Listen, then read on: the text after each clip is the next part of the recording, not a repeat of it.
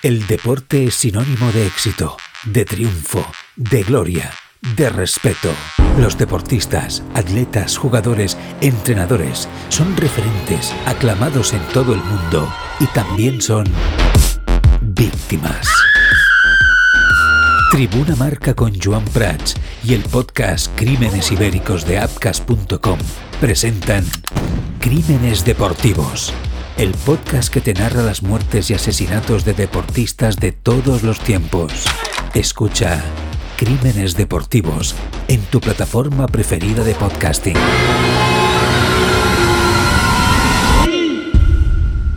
Tarda i benvinguts al Tribuna, un programa multiplataforma que pots escoltar en directe o quan et doni la punyetera gana. A la FM, en streaming, en podcast ara o a les 3 de la matinada. No tens excusa per no escoltar el Tribuna Marca amb Joan Prats.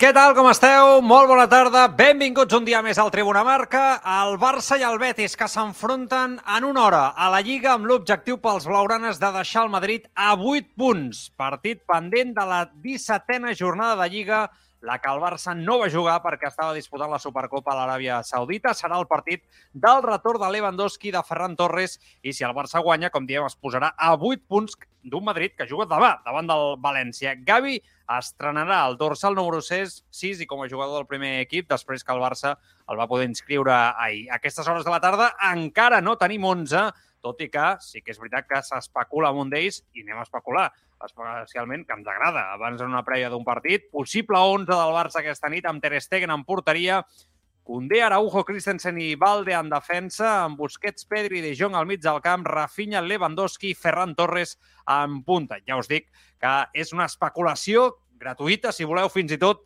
respecte al que pugui passar. Crec que hi ha potser alguns noms que tots tenim en ment perquè pugui ser eh, titular, per exemple, Ferran Torres, no? en aquest partit que es recupera. Veurem si, si ho fa. Rafinha pràcticament tothom dona per fet de que jugarà amb la baixa de, de Dembélé, però hi ha noms, eh? noms que, que grinyolen en aquest possible 11 que pugui presentar, com dic, a Xavi Hernández avui en aquest partit complicat, eh, davant d'aquest Betis que li va complicar molt la vida i escoltàvem a Xavi ja dir-ho a la Supercopa, precisament per empatar, tot es va decidir als eh, penals i jo estic convençut, si el Barça torna a fer un partit, per exemple, com el dia del Getafe o el dia del Girona, fins i tot eh, us diria, crec que al Barça li costarà molt treure endavant aquest eh, partit. Però no només hem de parlar d'això, perquè ja es va tancar el mercat de fitxatges, no va passar res.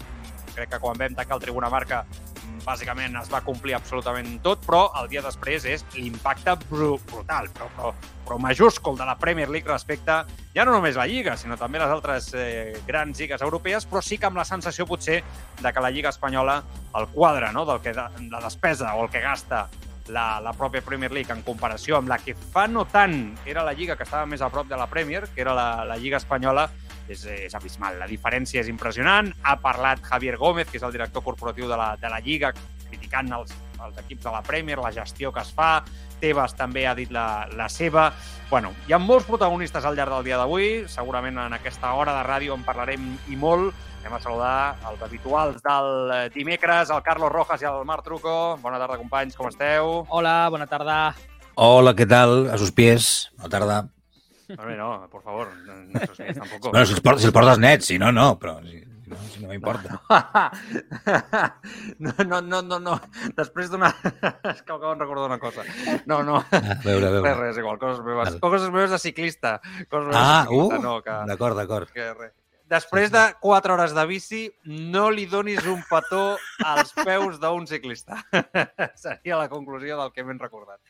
Bueno, en fi. Bé. En directe a través de Radio Marca, a través de Radio Marca Barcelona, a través de radiomarcabarcelona.com, a través de l'aplicació mòbil de Radio Marca Barcelona disponible per iOS i per Android, una tarda més a través del Twitch al Tribuna Marca, twitch.tv barra el Tribuna. Veig que a poc a poc va arribant tothom i saludant també. Tenim el canal de YouTube, recordeu que està al grup de Telegram, Tribuna Barça, per si voleu anar xerrant amb els diferents oients tota l'actualitat del Futbol Club Barcelona, TikTok Tribuna Marca, Twitter Tribuna Marca, localizados a les xarxes socials, que diria, que diria aquell. Bueno, a veure, sensacions de partit gran, eh? eh jo avui ja sé que, que és eh, un rival enteneu-me, eh, tots els respectes cap al Betis, un històric de la Lliga Espanyola i, a més, un rival, un equip que jo personalment li tinc, li tinc carinyo. Cau simpàtic, diguéssim, el Betis, no? històricament a l'entorn a Barça. Però tenint en compte el que van comentant aquests dies, no? de que el Barça, ostres, doncs alguns partits sí, però després altres li costa, o que marca un gol i ja no acaba de tancar els partits, que els rivals arriben molt, no? li generen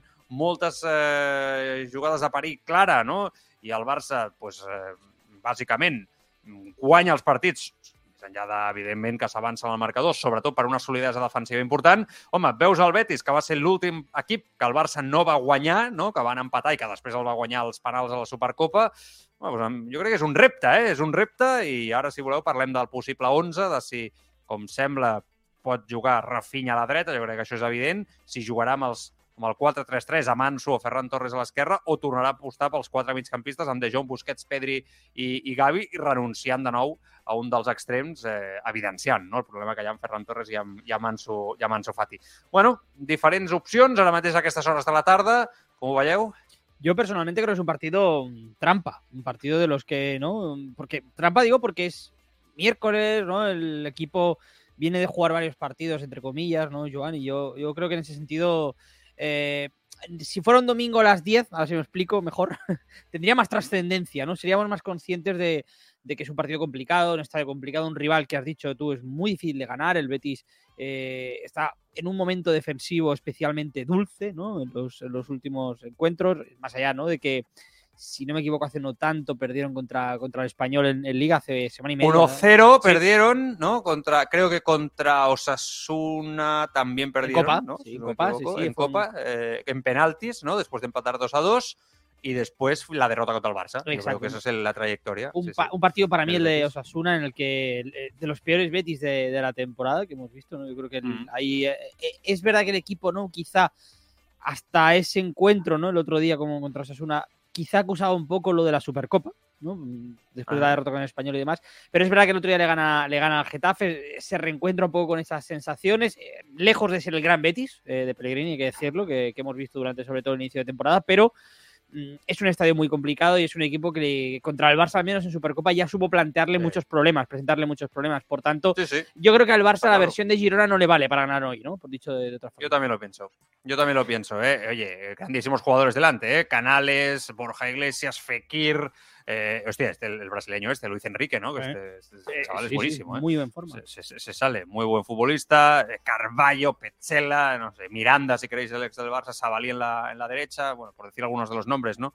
Eh, más conocidos de, de, este, de este Betis. Bueno, però depèn del Barça, eh, Truco? Jo, que, jo, jo sempre dic el mateix. Sí. Si el Barça fa el seu partit, si és reconeixible, si, si fa el que, el que va fer, per exemple, el dia de la Supercopa, els 60 minuts inicials del dia de la Reial Societat, el Barça guanyarà el Betis, és millor equip.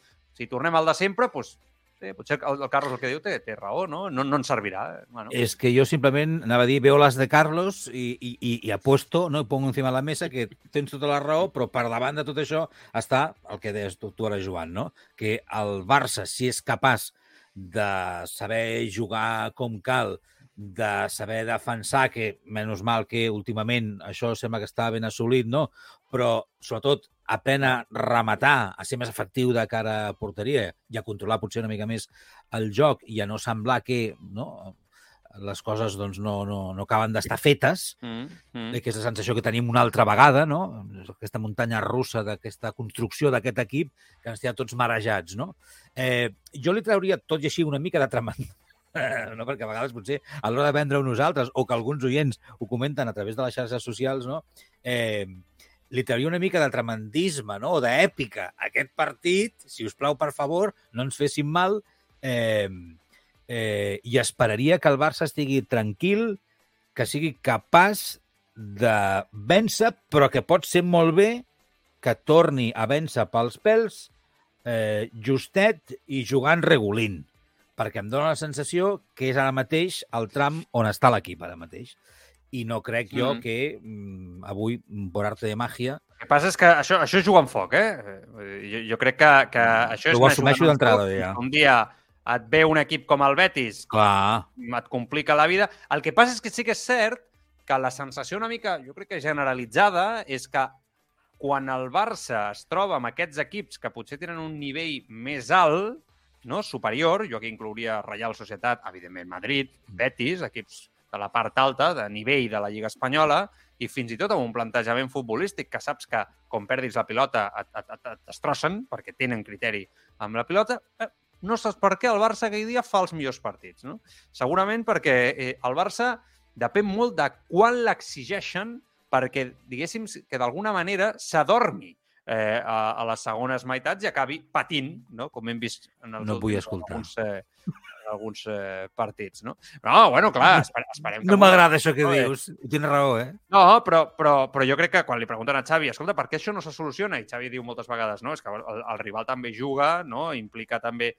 Bueno, és una resposta vàlida, i ho vam escoltar, és una resposta molt vàlida, però per mi no és suficient. O sigui, Ah. és una resposta vàlida, totalment. Suficient, no, perquè el que es tracta és que el Barça sotmeti el rival amb el seu futbol durant 90 minuts, que domini, que controli els partits durant 90 minuts. No a estones, a estones, i sobretot que la construcció del joc, crec que és l'objectiu de Xavi, vingui més, tot i que està molt bé, vingui més pel joc posicional, pel, pel joc en, en, en pilota, no? construint el teu futbol des, de, des del darrere, com hem fet tota la vida a Can Barça, és que no, no estic descobrint res, en la recuperació alta, que precisament és on la majoria estan venint els últims gols, que està molt bé, que és algo que sempre va molt bé, però no com a norma, no? I darrerament sembla que és la norma per poder fer mal, no? Que en estàtic, entenem amb d'estàtic, al Barça falta molt joc entre línies i costa molt fer mal als rivals. Bueno, avui tens un rival que et jugarà obert, et jugarà valent.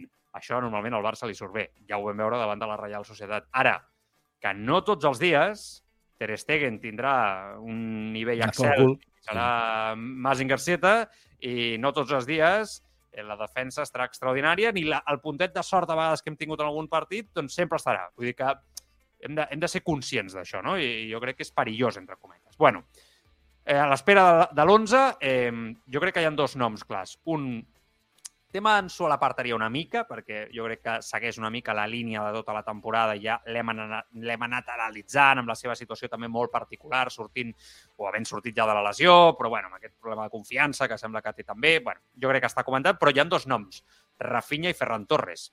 Eh, Dembélé és el primer partit que no juga i em sembla que lo de Dembélé compta, perquè s'ha de veure molt bé com es recupera i Xavi ja deia que és una lesió delicada, anem a veure si és un mes, mes i mig, dos mesos, anem a veure en quines condicions pot tornar. Vull dir, crec que hem de ser conscients que l'equip ha d'aprendre a jugar sense Dembélé com a extrem. Què vol dir això? Doncs que Rafinha ha de donar un pas endavant i Ferran Torres també. Crec que és evident que aquesta és la primera gran prova de foc. Us pregunto, esteu d'acord que se la juguen, no? que han de donar un pas endavant, que l'equip ho necessita, però anem a posar-nos també a l'altre cas.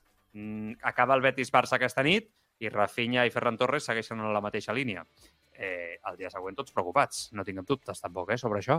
Eh, jo crec que tots estarem d'acord que bueno, mm, hi ha una diferència pel que hem vist a dia d'avui entre el rendiment que et dona Dembélé amb les seves davallades i no serem nosaltres els megafans de Dembélé i la seva irregularitat, No. però crec que és evident que està molt pel davant de la resta d'extrems de l'equip. Imagineu-vos que ara bueno, jo, jo crec que se la juguen. És que, vaja, jo, jo crec que han de donar un pas endavant. Si no, l'equip ho pot pagar molt car, eh?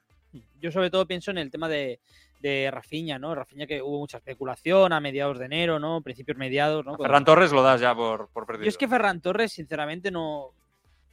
Llevamos un año con, con este tema y, y no le veo ese- esa progresión, ¿no? Rafinha siempre he pensado que es un futbolista que por la situación financiera, ya lo he dicho muchas veces, económica del Barça, ¿no? Sí que podía salir y que podía tener ese encaje y que tiene mercado, pero que si no, no, si el Barça estuviera bien no pasaría nada y que yo creo que es un equipo, es un jugador que hace plantilla, que a lo mejor nunca va a ser el extremo titular del Barça, lo cual es preocupante, por lo, teniendo en cuenta lo que ha pagado el club por él.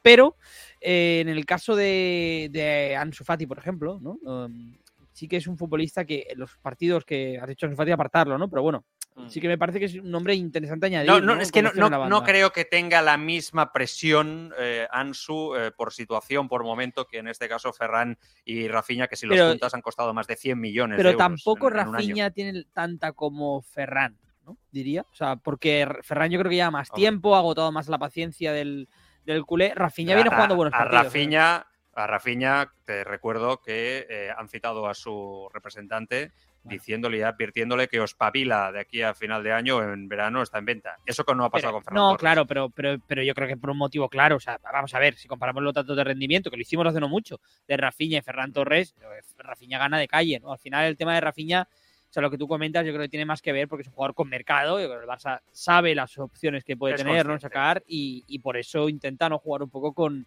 con lo que es su disponibilidad.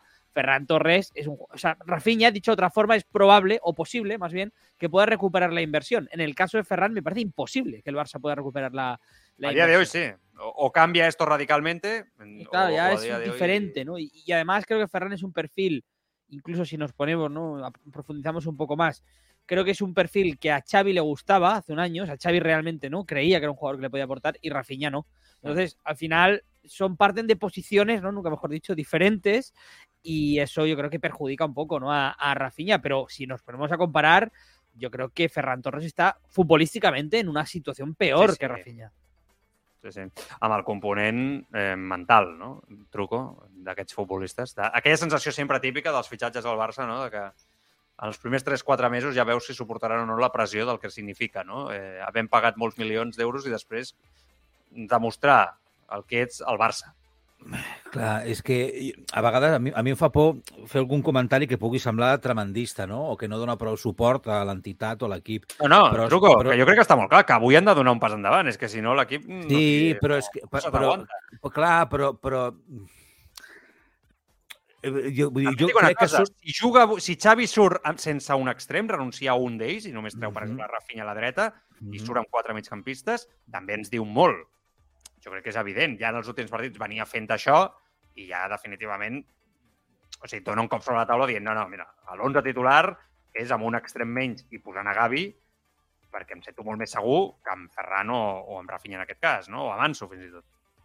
És que crec que són dos jugadors que, com a mínim ves des de fora, la realitat a la que fa referència a vegades Xavi en roda de premsa sobre el que ell sap, veu i coneix a dins del vestidor, doncs no, no, no la sabem del cert, però que malauradament són dos jugadors, i estic d'acord amb vosaltres, per suposat, més Ferran, que, que, est- que estan caient per, per la pendiente, no? Està, estan ti- rodant, rodolant cap a baix. Sense fre, Eh, sense fre. Sense, sense fre, sense fre. Aleshores, jo estic Allà, i si arriben a baix es trobaran a Coutinho, a, a Griezmann...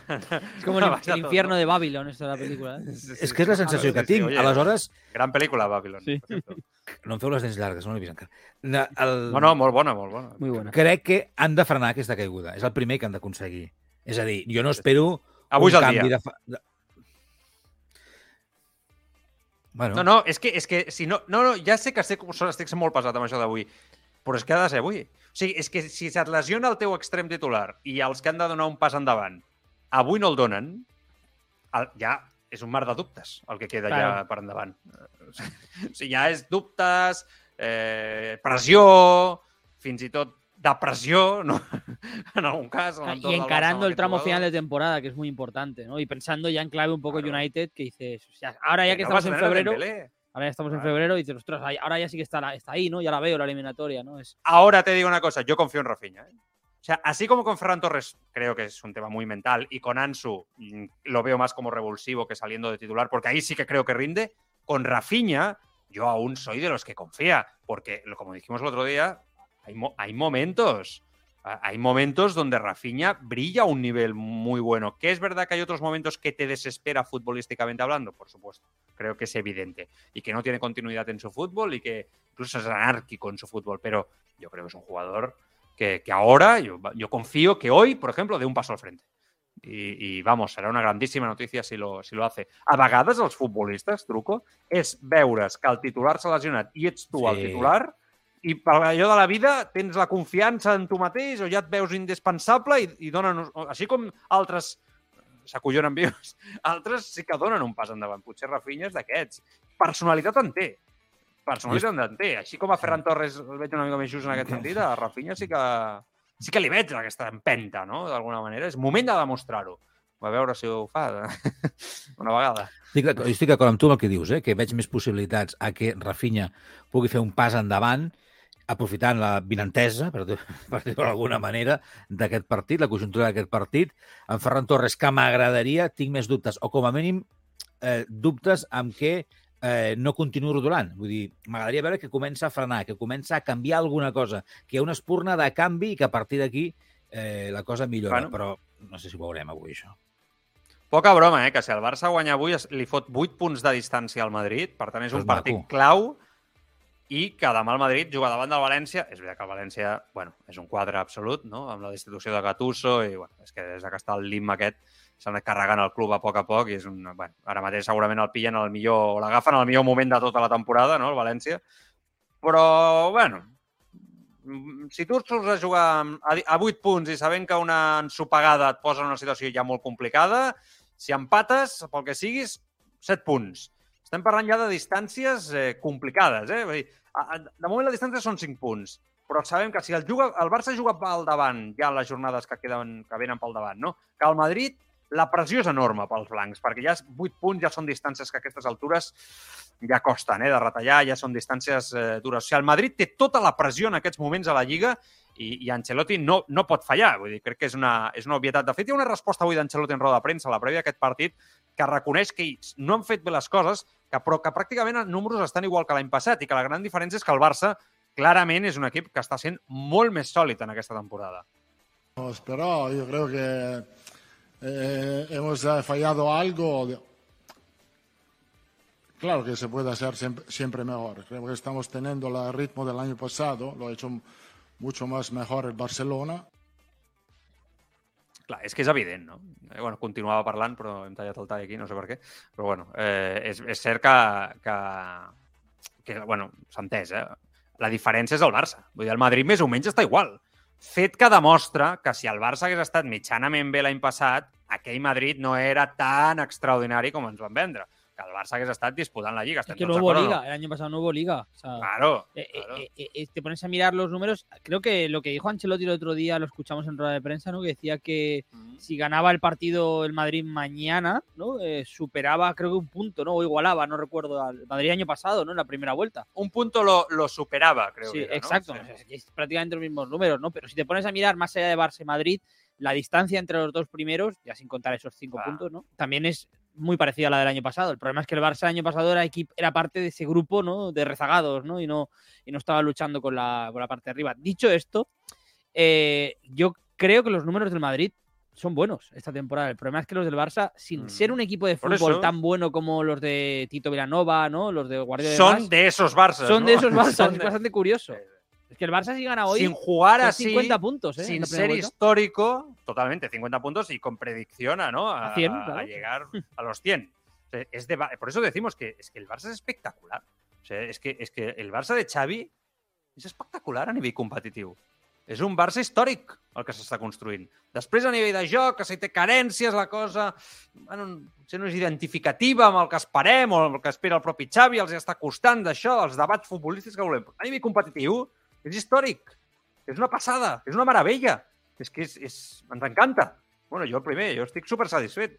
Ara, que els partits no són una bassa d'oli, truco, no és allò que dius domino el rival, gaudeixo, eh, imposo el meu futbol, un joc brillant, una velocitat de pilota, joc entre línies, bueno, un ADN Barça identificatiu. No, no, no. És, és una altra cosa.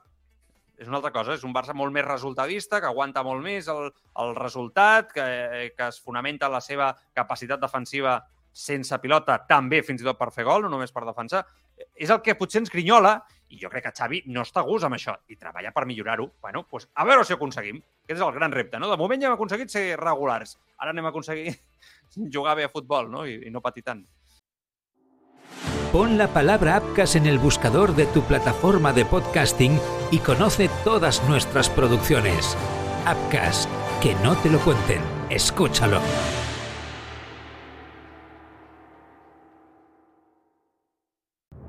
El deporte está lleno de momentos épicos, de grandes rivales, partidos inolvidables, jornadas para la historia y en algunos casos, puntualmente, golpes de efecto que lo cambiaron todo. Abcas presenta un podcast repleto de personas increíbles, de grandes deportistas y de momentos, de situaciones que han pasado a los anales de la historia del deporte. Descubre Golpe de Efecto, un podcast con las grandes historias del deporte y los grandes deportistas. Golpe de efecto de Upcast, ya en tu plataforma de podcasting. Eh, no és fàcil. Estem, estem d'acord. Sempre, sempre tenim aquesta mirada crítica, no? que a vegades pot semblar que, no? que, que ens carreguem l'equip perquè no? sempre destaquem allò que no acaba de funcionar. Aquí s'ha de jugar bé, truco. Però, clar, ens agrada... És a dir, aquí, ens, ens agrada disfrutar no? I, i veure que el, que el Barça juga bé, juga maco i marca gols. Gols, més d'un per partit, no? I va, tot això, no? I controla el partit. Bueno, últimament no tant, però sí. No, no, per això, dos, vull dir, no? que per això som crítics. Per això som crítics, per això som crítics, no? Perquè ens agradaria veure una cosa que encara no estem veient. Està, però estic d'acord amb tu que els números canten, canten per si sols. Sí, sí. Els números. Eh, anem al marro, no? Eh, anem a posar aquí una sintonia d'aquestes d'atenció que ens agrada. Ai, vinga, vinga. Ja hem fet la prèvia, ara, ara quan surti l'11 ja, ja acabem de, de comentar-ho no? I, i tot plegat. Però, bueno, mercat de fitxatges, números, bueno, espectaculars, eh? Vull dir, jo, jo crec que és, és acollonant. La Premier League és, amb diferència, la lliga que s'ha gastat més diners. Un total de 790 milions d'euros al mercat d'hivern. La lliga només hi ha l'Espanyol, amb 13 milions entre els 25 primers equips que han gastat més diners en aquesta, en aquesta finestra. Eh, és al·lucinant. Vull dir, els números es, es garrifen. El Chelsea només s'ha gastat 329,5 milions d'euros, per exemple. És que és, de veritat, impressionant. Però és que pràcticament a totes les lligues hi ha equips que han gastat més que, que l'Espanyol, que és el tope de la Lliga Espanyola. Vull dir, eh, a la Bundesliga el Borussia Dortmund ha, gastat el mateix que l'Espanyol, el Fenerbahce a Turquia 13,9, el Benfica de Portugal n'ha gastat 16, a Brasil el Flamengo n'ha gastat 22, a Mèxic Tigres n'ha gastat 22 també, a França l'Olímpic de Marsella 40, vull dir, crec que es poden explicar el que vulgueu, però és que és una realitat que ja no és només en la comparativa de la Lliga amb la pròpia Premier League, bueno, com a mínim jo ho veig així, és també amb les altres lligues. Jo crec que la Lliga està perdent força, està perdent potència, capacitat de, de moviment econòmic per moure's, no? amb certa celeritat. Hi ha una situació econòmica dels clubs de preocupació, de no sortir, de no donar un pas endavant. No sé si és el model de gestió, que bueno, crec que no ajuda. Evidentment, jo veig coses en aquesta competició que no veig en lloc, sincerament, eh, com uns dirigents amb l'estil que tenen de dirigir, de, de ser mediàtics, de, de confrontar constantment o confrontar-se constantment amb tothom. Eh, veig un, un enrenou futbolístic que a mi, el, el meu pare cada cap de setmana em pregunta on juga al Barça, perquè està marejat l'home. No sap on juga allà. O sigui, jo això no ho veig en lloc. Dazón, Movistar, això, eh, si estaves a dins de Movistar o d'Orange, t'has de donar d'alta de Dazón, la gent marejada ja no sap on està el futbol. Sí, sí, sí. Això perjudica el producte, això no passa en lloc. O sigui, no, no tenim encara un League Pass, no? com té la NBA, com té la Premier League, que tu pots adherir això a la pròpia pàgina web de la competició. Vull dir, en, en moltes coses el producte està devaluat. Ara, el missatge és que tot estupendo i els, de, els de més són, són els enemics, no? Eh, I no reconeixem els, eh, els fets. El fair play, que està molt bé a priori, després, bueno, ja ho hem vist, no? Acabes els, els, acabes en un judici als tribunals amb un dels clubs més importants per la inscripció d'un jugador. bueno, jo crec que, que, que aquest mercat d'hivern ens deixa en una situació de molts dubtes respecte a la gestió de la Lliga Espanyola. Avui ha aparegut Tebas, després del tancament del mercat, ha assegurat a Twitter que la majoria de clubs de la Premier League li ha donat per atacar la Premier. Clar, no, Clar, avui ha dit, què, què fem? Ataquem la Premier? No? I ha començat a dir que, que la majoria de clubs de la Premier estan dopats econòmicament i que són deficitaris, que és una que ja sabem, que és una que ja sabem, amb propietaris que posen diners, etc etc. I, i ha encarregat a Javier Gómez, que és el director corporatiu de la competició, que expliqui les diferències, ha aparegut allà l'home, pobre, les diferències entre les dues, entre les dues competicions i treu pit de la gestió de la, de la Lliga. Bueno, anem a escoltar el senyor Gómez i a partir d'aquí ho comentem. Lo que perseguimos es que los clubes gasten aquello que pueden pagar y generar de manera autónoma, es decir, con sus propios ingresos. Es verdad que también se permiten que los accionistas pues, puedan apoyar con ciertos límites al club, poner dinero para gastar algo más de lo que puedan generar eh, el propio club. En la Premier ocurre todo lo contrario y los datos son los siguientes. Con los datos que tenemos, mm, y para que sean comparables, cogemos los que disponemos de la Premier, que son hasta el 30 de junio de 2021 en las cinco temporadas anteriores. La Premier y la Championship, que son las dos, la primera y segunda categoría de, de Inglaterra, habían perdido 3.000 millones de euros. La Liga Española había perdido, tuvimos que soportar todos la pandemia 250 millones de euros. ¿Qué ocurre? Que en ese mismo periodo los accionistas de la Premier Championship, primera y segunda división en Inglaterra, han puesto 3.500 millones de euros. Y los accionistas en, esos, en ese mismo periodo de cinco años en España, la Liga Española, han puesto 450 millones de euros. ¿Qué hay detrás de eso? Ni más ni menos que están dopando al club, están inyectando dinero que no genera el club para gastarlo. Y eso pone en riesgo eh, la mm, viabilidad de un club cuando este accionista eh, se marche. Y, en segundo lugar, en nuestra opinión, eso es hacer trampas, porque arrastra, arrastra al resto de ligas. Y esa es nuestra lucha exigiendo a UEFA que con el nuevo control económico que impide que, así está escrito y regulado, que impide que un club, que accionistas de los clubes puedan poner más de un dinero determinado, que haga cumplir esa norma y sancione a aquellos clubes, da igual de la liga que sea, da igual del país que sea, que sancione a aquellos clubes que incumplan con esta normativa. Vale. Jo, jo només dic una cosa, jo us escolto, eh? eh a mi això em sembla estupendo, vull dir, ser curós en la gestió, vaja, eh, ho celebro fins i tot, no? Eh, però... Què t'han de dir tu? Exacte. Però eh, és com... Jo tinc la sensació, escoltant aquest senyor, que, que bueno, a banda de que, de que jo crec que la Premier es, diuen, es deuen d'estar pixant ara mateix de riure amb aquesta mena d'afirmacions, perquè la sensació de la Premier és una altra completament, és de control, de domini absolut no? en el futbol mundial. La Superliga és la Premier, no? A banda d'això, jo tinc la sensació que, que mm, a vegades és, és, està molt bé eh, ser curós econòmicament, però si compleixes bé el fair play, això per començar, si fas una gestió adequada, perquè vull dir, tu pots tenir la norma, però si apliques malament la norma després és un desgavell a nivell de gestió. I dos, tinc la sensació que la Lliga va contra el món del futbol. O sigui, a mi ja m'agradaria que el món del futbol fos eh, ideal, eh, que no entrés ningú a, a inflar clubs i que no, fins i tot no fes de, desaparèixer. A vegades ha passat, no? Clubs perquè ve un, jeque o un multimilionari especula i blanqueja fins i tot diners amb el món del futbol. Fins i tot, jo, el món ideal, a mi, jo, jo ho celebro, o sigui, anem-hi, anem-hi, el món ideal, anem-hi, però no només en futbol, eh, anem-hi, socialment, anem-hi, no obrim aquest pastís ara, eh, que avui està al Marc i no en sortiríem. Però, però, però, ostres, no teniu la sensació que és, vale, aquest món ideal que ens narren està molt bé, però el, la, la, el món del futbol a nivell mundial va en una altra direcció Eh, estem parlant de, de països, de governs, de, de, de xecs, de, de, de multimilionaris, de, de fons d'inversió que entren, posen diners, que no és la millor direcció, no ho sé, però mentre ens ho preguntem, la Lliga Espanyola es va devaluant. I aquest discurs que acabem d'escoltar, oh, vaja, canvia quan t'has d'emportar el futbol cap a Miami, ah, dels Estats Units. Sí.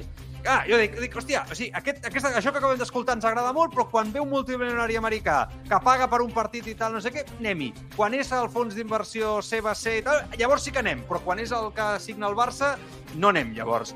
Eh, no sé yo. La profe me no tiene manía. Yo, escuchando un poco la, ¿no? la yo creo, ¿eh? lo, lo que estaba escuchando, es ingenuo, no creo que este señor sea ingenuo, así que si no es ingenuo solo puede ser hipócrita y cínico. Entonces, eh, precisamente por lo que tú dices, ¿no? Mm, por, por, todos los líos en los que estaba metido la liga, venimos de 24 horas atrás, que la liga sufra un descrédito brutal, ¿no? Con el tema del...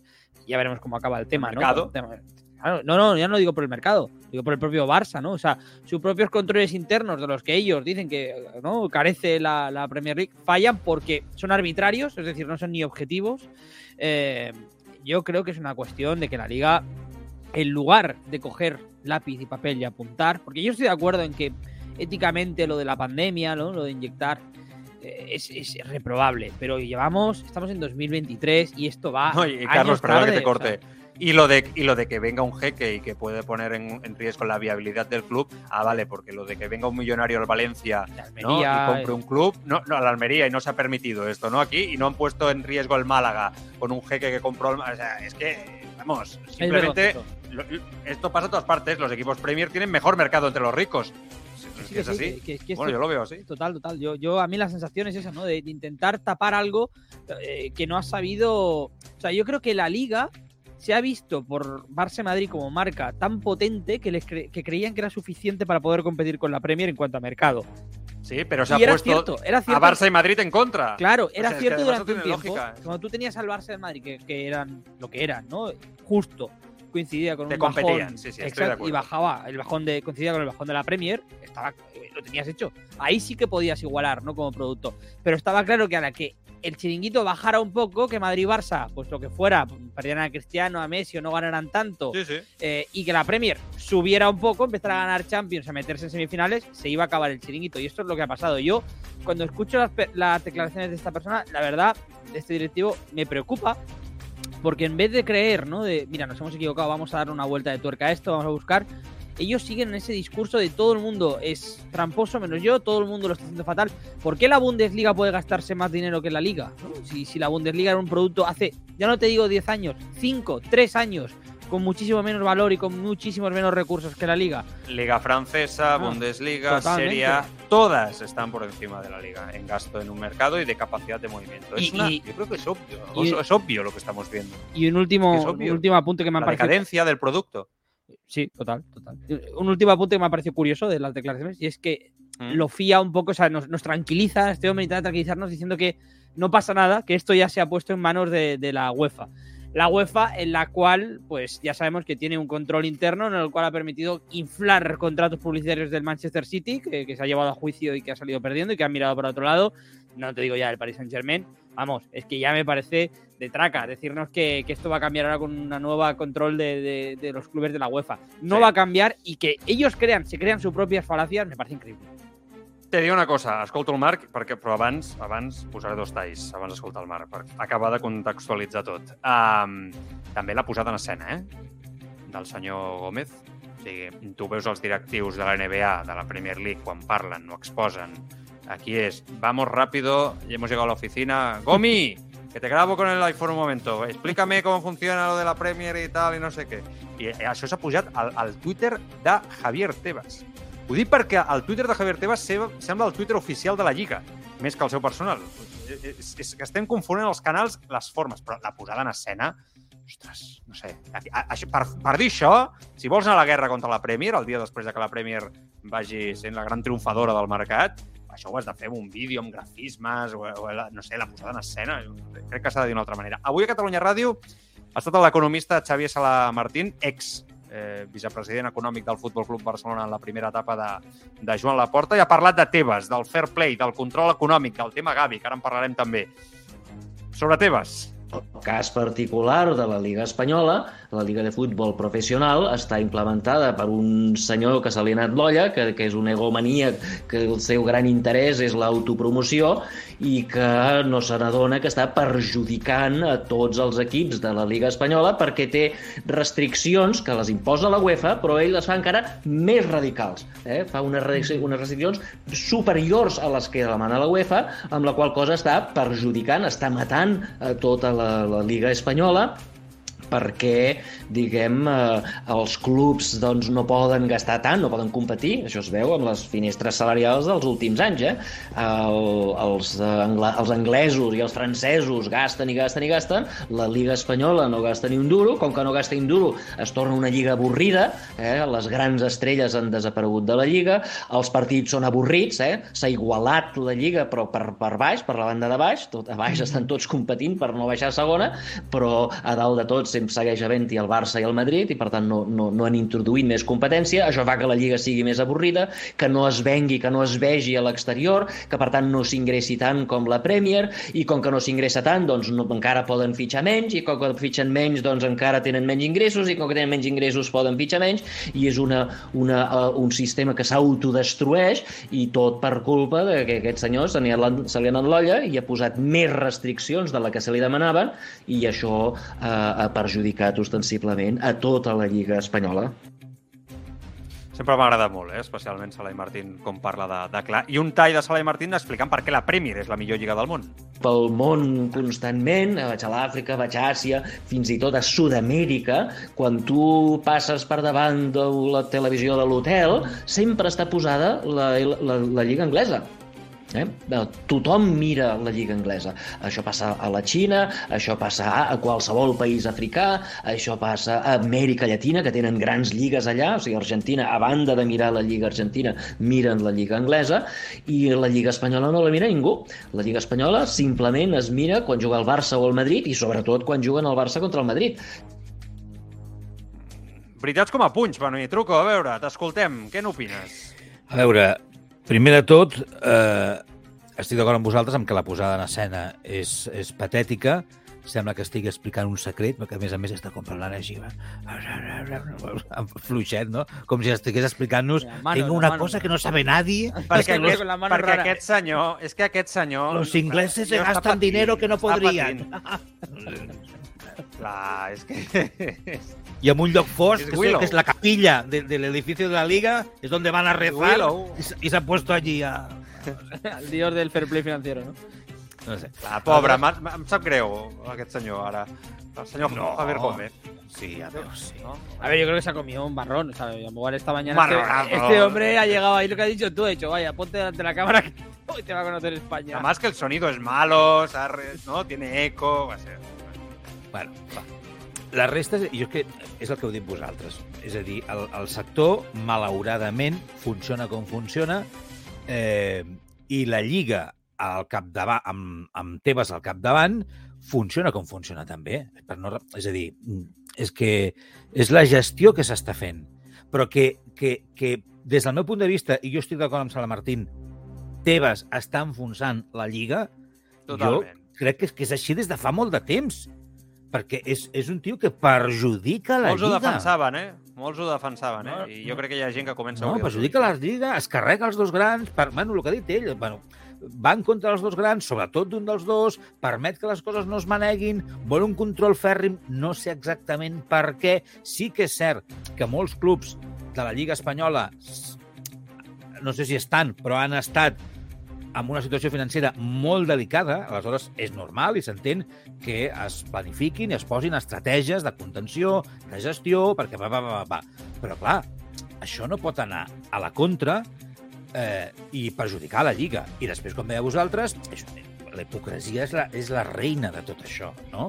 Perquè, evidentment, quan m'ha de venir pasta de la Conchinchina, doncs ve la pasta de la Conchinchina i ens anem a jugar a la final de la Copa, no sé què, o al partidàs, o no sé quantos, on faci falta. Ah, I si els xeics àrabs de Qatar estiguessin comprant equips aquí, fotent pasta aquí, tindrien la I catifa si passessin per ells, estarien encantats. Eh, encantats, ja dic jo. és- Ara, aquí la gran pregunta és que, quina, qui, com la Lliga pot tornar a ser la millor? No? Anem, anem, a, anem a mirar cap endavant. Anem a intentar mirar cap endavant.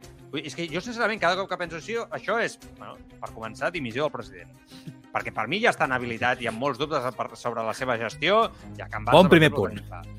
Ya, Claro, punto que es, claro, es el mejor, pero es, el irre- es irrealizable. O sea, es tan, es tan bueno Sí, como a día de hoy sí. Pero un cambio de enfoque radical en ese aspecto y combinar. Porque a mí me parece bien el control financiero. Yo creo que esto es algo, algo importante, ¿no? Tenerlo, hacer, pero hacerlo bien. Y para, igual para todos, y no con intereses personales. Entonces, es que yo, Sala i Martín ho ha resu- ha resumit de meravella, no? Eh, ha anat l'olla no? per complir els seus desitjos d'ego personal. Jo, jo crec que Sala Martín és ín, íntim, íntim amic de Joan Laporta. Vull dir, aquestes paraules són de Sala i Martín, però clar, jo estic convençut que això ho ha parlat amb, amb el president del Futbol Club Barcelona. Un president, la porta que en el seu dia tenia bona relació amb Tebas i que el coneix des de fa molts anys. Vull dir que és possible que el Barça hagi sorprès aquest Tebas no, de les últimes 3-4 temporades no, en aquest aspecte. Bueno, i què passaria aquesta és una, una pregunta també interessant, incòmoda, després de, de lo d'ahir. Si finalment la justícia ordinària accepta el recurs de la Lliga per la inscripció de Gavi. Doncs que Gavi seria desinscrit a primera divisió, com va fer ahir el Barça, tornaria a la seva condició de jugador del filial, la Lliga no podria entrar a que la clàusula passés de 1.000 milions a zero, com s'ha dit, perquè és una clàusula d'un contracte privat i, per tant, un problema privat que no pot entrar-hi, tot i que segur ja li agradaria, veient els precedents. Eh, I amb el jugador així també tampoc podria entrar en la possibilitat de que quedi lliure el proper mes de, de juny. Això també està estipulat al contracte. Per tant, aquest és un problema del Barça, que l'ha de resoldre el Barça. Però en aquest cas la Lliga no pot entrar. Uh, en, en aquest aspecte. Eh, anem a veure què passa. Jo ho trobo complicat, no? que la justícia, si ja ha fallat a favor del Barça, aquí ara comenci i falla a favor de la Lliga. Em sorprendria molt, sincerament. Eh, pel to de Javier Tebas en els seus últims tuits, molta gràcia no li ha fet, eh? O sigui, Tebas, que sempre és una mica fanfarrón i surt i treu... Jo crec que el cop del Barça amb aquesta, de moment, de, manera, de moment, de, cautelar a favor del Barça pel tema de Gavi, li ha fet, jo crec que li ha fet mal, eh? eh he vist un to... Bueno, normalment eh, és molt... Parla amb un to molt col·loquial, no? És el seu estil, que nosaltres diem, ostres, està molt allunyat del que hauria de ser potser el dirigent de la Lliga, no? I, ostres, les últimes hores, eh, tot el to amb, amb el que parla, els discursos oficials que fa a través de Twitter, a través de tuits, que és acollonant això també, no deixa de ser d'acudit, és un altre. Eh? És seriós, és seriós. Ha fet mal, eh? El Barça yo creo que aquí ha fet el primer, el primer cop. Sí, sí, totalmente. Yo, yo a mí me da la sensación de que la de que te vas evidentemente va a luchar y va a llegar hasta el final, que nadie lo dude. Y, y si pierde, volverá a intentar darle la vuelta de otra forma, ¿no? Que, ahora comentabais el tema de que lo de la cláusula, no, ahí no entra la liga. Bueno, yo, claro que es así, ¿no? Pero que, te vas a lo mejor, veo si ve un pe pequeño agujero, ¿no? Y, y, se mete ahí al, al máximo, no, no tengo ninguna duda que, de que va a ir con todo. Eh, a mí lo que más me entristece de toda esta situación es que el presidente de la liga, en vez, de nuevo, al igual que ahora criticábamos con el tema de la Premier, en vez de tomárselo como un golpe, ¿no? Y decir, bueno, vamos a intentar cambiar nuestro enfoque y darle, porque está visto que esto no funciona, ¿no? Vamos a intentar integrar a Barça y Madrid o intentar ah, encontrar. No, pero, pero ya, no lo va a mirar. Y, mundo ideal, esto es lo que te decía antes. Claro, pero, pero no. la pregunta entonces sería: ¿hasta dónde está dispuesto a llegar Javier Tebas por tensar la cuerda? Porque con el Madrid y el Barça la cosa está muy mal, ya lo sabemos. Pero si encima. Pero cuando uno está empeora, en este plan, Carlos, está ciego. No, truco. Va a llegar hasta el final del camino, entonces, literalmente. D'ego de, ego en la gestió total, no? I de, i de creuades personals contra personatges o clubs que creus que, que, que no sé, ara estic dramatitzant, eh? T'allunyen del teu camí d'èxit de la teva vida, però jo crec que aquest senyor està en aquest moment, no?, d'ego de, de, total, que se li ha l'olla, com deia Xavi Saler Martín, estic molt d'acord, ets, és sec, o sigui, no, no, no veus, no, no veus la, la resposta, no veus la, la, la cordialitat, no, no veus a l'apropar-te a l'altre, com demana el Carlos, per, per generar un, això, un món ja no idíl·lic, sinó de certa cordura en la gestió, no? Jo, jo, jo crec que estem parlant d'un personatge que ara mateix està sec, sec de... de, de... Bueno, que no vull, tampoc no, sí. no vull ser massa dur, però jo crec que ja estem sent durs suficientment i, i clars, no?, respecte al que clar, pensem. Jo, està clar, està clar, això del Tebas, que ja fa temps que que no s'aguanta per enlloc. Grinyola. No s'aguanta ah. per enlloc. I, I jo crec que arriba un moment que, no sé si és exagerat això que diré ara, però se l'hauria de començar a denunciar, aquest senyor. Pero eso es lo que digo, que es que va a llegar al final del camino. Bueno, el, el, llegarà un punto... Ja lo...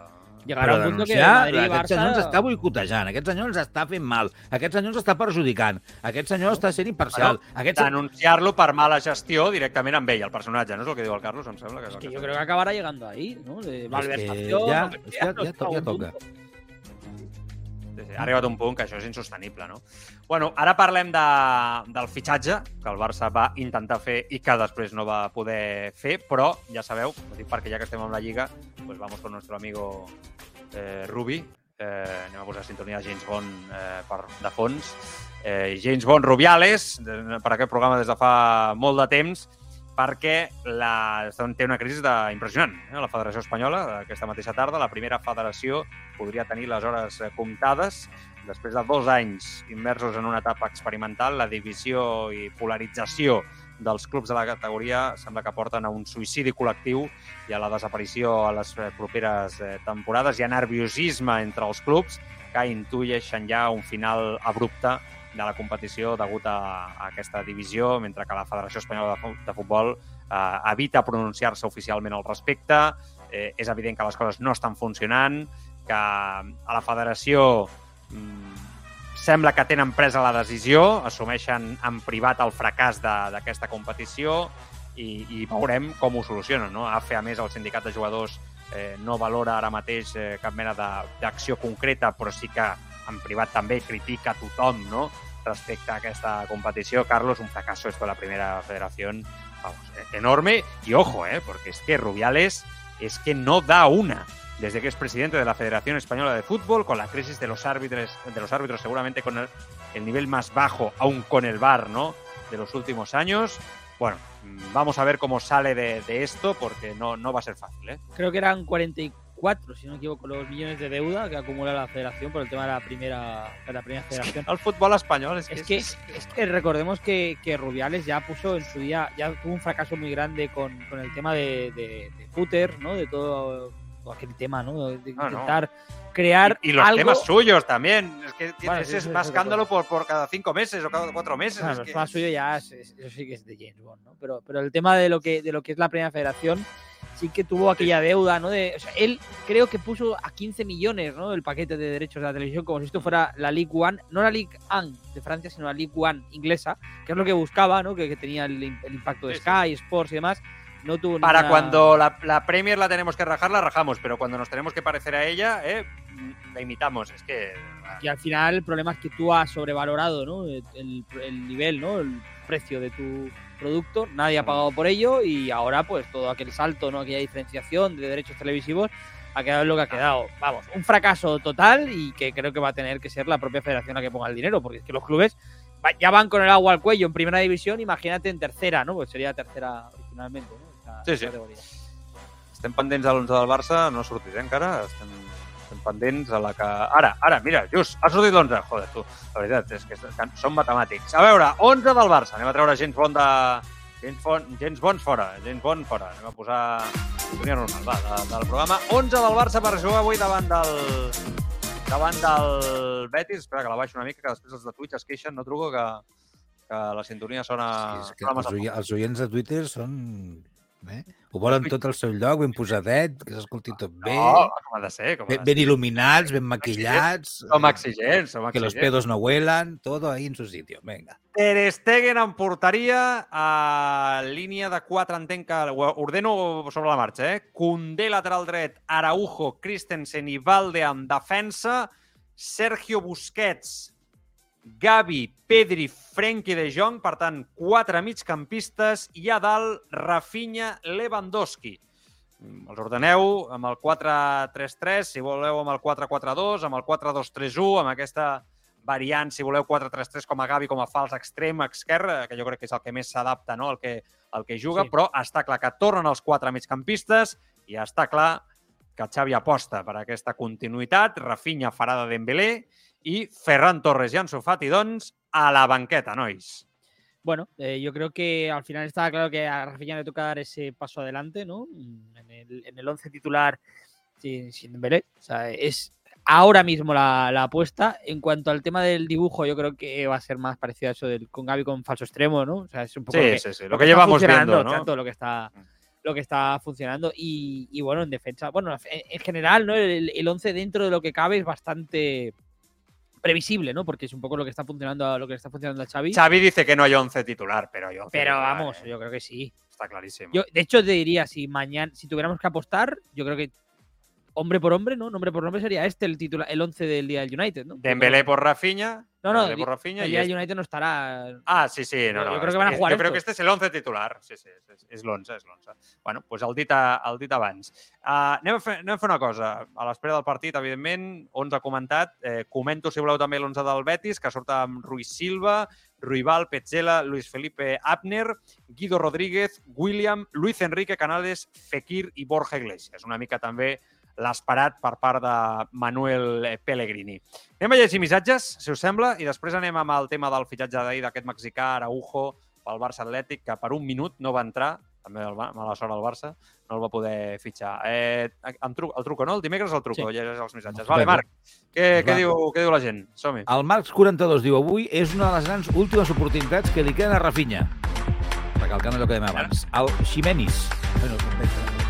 Lo de Tebas es una vergüenza. Está claro que tiene una, una guerra personal contra el Barça. Os recuerdo que este señor intentó que Messi no debiera con el Barça eh, cuando no era presidente de la Liga. Al Tugromi, diu, Tebas todos sabemos lo que es, pero lo que no es normal es que teniendo una cláusula que queda libre, si no se inscribía, no estuviera solucionado hace tiempo.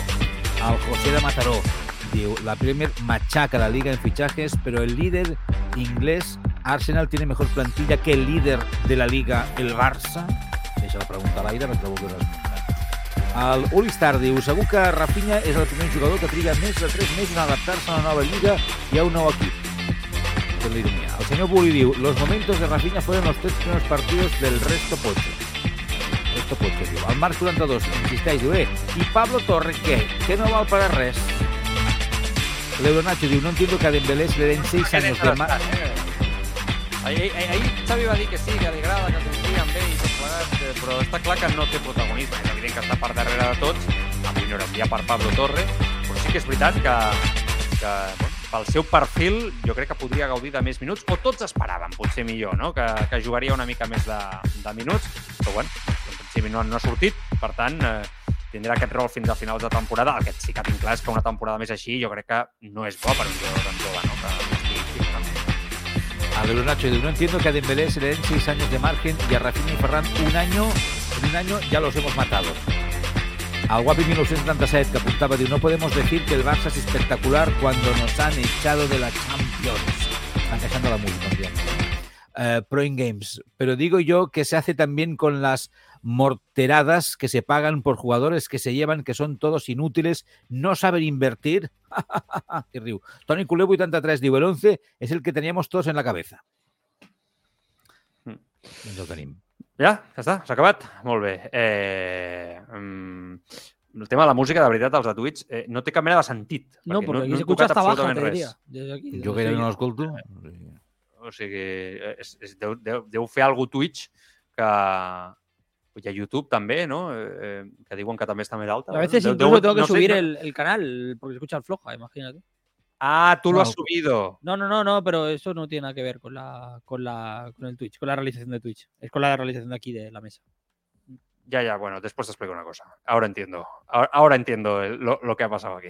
Ah. Bueno, en fi, coses, coses internes. Ara entiendo eh, eh, lo que ha passat aquí. Bueno, en fi, el tema del fitxatge. Bueno, bàsicament és que ahir el Barça sembla que anava a fitxar Julián Araujo, aquest lateral dret mexicà que ningú coneix, sincerament, que tothom que li pregunto ningú l'ha vist, eh, de Los Angeles Galaxy. Eh, I, mm, bueno, pues, bàsicament no va arribar per un minut als papers oficials i el Barça no l'ha pogut inscriure. S'havia arribat a un acord de 2 milions d'euros pel 50% dels drets del futbolista, que s'anava a jugar al Barça Atlètic i no, no ha pogut ser. bueno, veurem si FIFA acaba donant l'hoquei o no a aquesta operació. El Barça està pendent, però sembla difícil no? que, que es pugui arribar en aquest sentit a un, a un acord perquè finalment aquest jugador pugui, pugui, pugui ser del Barça. Em sembla, eh? diria. Mm, Em sembla que quan arriba fora de mercat, arriba fora de mercat. I tant, tantes altres operacions no? que, Si es queden... he fet. No, no, par no parlem massa més d'aquest tema perquè, insisteixo, és un fitxatge menor. El, el jugador eh, no, no el coneixem. Vull dir, Ahir a l'Àlex López també li vaig preguntar, tampoc el coneix. Vull dir que hi ha molt poca informació, més enllà del que ens puguem eh, informar. Mitjanament no veiem els partits habitualment de la Major League Soccer, no mentirem. Per tant, és el que, és el que hi ha. Una declaració de Sandro Rosell i marxem a, el programa aquest del Chester, del Risto, no? Ha, ha tornat, el, el Chester ha tornat, a Viajando con el Chester, no? Viajando con Chester, ha tornat, no? Lo Del, del Risto. El Està sofá. sol ara ja, no té parella i s'avorreix i fa, no? fa un... Al els sí. amics. Dos personas que se aburren, pero Rosell ya también se le ha caído su ambición, ¿no? De ser alcalde. Sí, ja no, ja no serà, ja no serà alcaldable. Bueno, Menys ja ho, mal. ho va comentar, tot i que ho, ho tenia decidit, no? Eh, les, totes les respostes de la seva etapa a la presó, que bàsicament el Risto Mejide feia un programa especial sobre això i li preguntava sobre això, eh, el que deia era si hagués entrat a la presó Sandro Rosell, què pensava Rosell, no? si hagués estat eh, president del Barça. I això deia l'expresident del Futbol Club Barcelona. Vez que fui empresario, no tuve jamás en mi vida, jamás una inspección de Hacienda, ni una comprobación de Hacienda, ni una actuación de Hacienda. Cero. Salgo presidente del Barça y hasta hoy he tenido 75 actuaciones de Hacienda. bueno, ell sempre, ell sempre ha cregut no, que, evidentment, això el va perjudicar i que va ser un dels motius pels quals eh, va acabar la presó. De forma injusta, recordem, eh? de forma mm, molt injusta, eh, a tots els nivells. No? bueno, doncs aquí ho tens, Truco. Eh? Eh, la declaració de, de, de Rossell. I molta gent ho pensa, també. Eh? Que, el que, que va ser injust. Que va estar a la presó en part. Sí, ser presidente del deixa Barça. caure. Clar, nosaltres no podem dir. Clar, nosaltres no podem dir això. Estàs aquí o no estàs? Eh, Sí, sí, no, sí, sí, no, estava a mil coses, però que, que va ser injust a la seva, que, que entrés a la presó ell. Això és el que preguntaves. No, que, que si crees No, que por ser no. presidente del Barça No, no. eh, estuvo, Ah. eh, fue a la cárcel. Pues esto, que si va ser injust, Bueno, sí. que va entrar a la presó de forma injusta per ser president del Barça, no? És això, és això o no? És això el que estava preguntant. sí, sí, sí. Que ser president del Barça el, el, el, el, el, va ser negatiu per el ell. moment on el truco passa del programa. No, no, no. Sí, No, no sí, estàs, estàs a altres coses.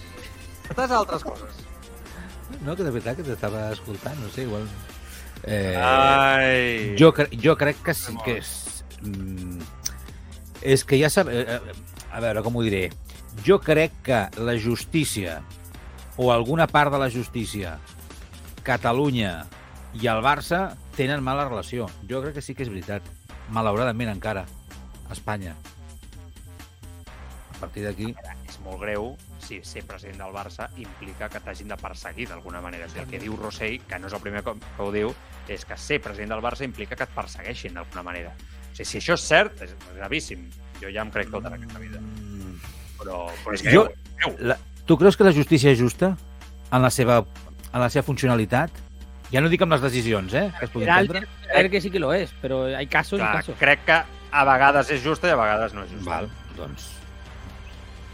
Però, això. clar, això que Jo diu, crec que el que diu Rossell...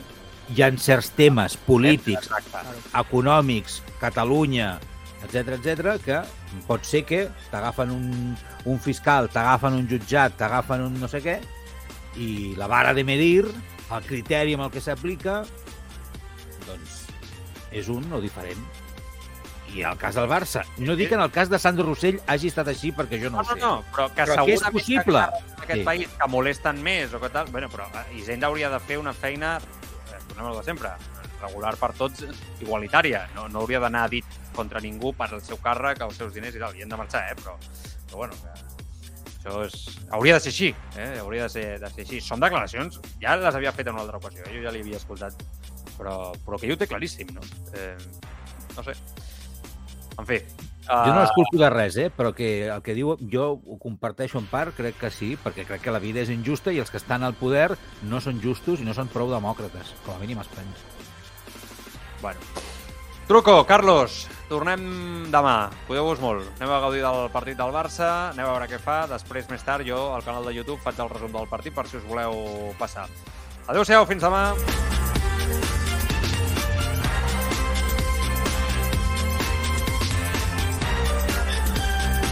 Los amantes del ciclismo ya tenéis vuestro podcast. Seas globero, amateur o profesional, apúntate a la grupeta de Escapa Podcast. La actualidad de la semana, las competiciones, ciclistas destacados, equipos.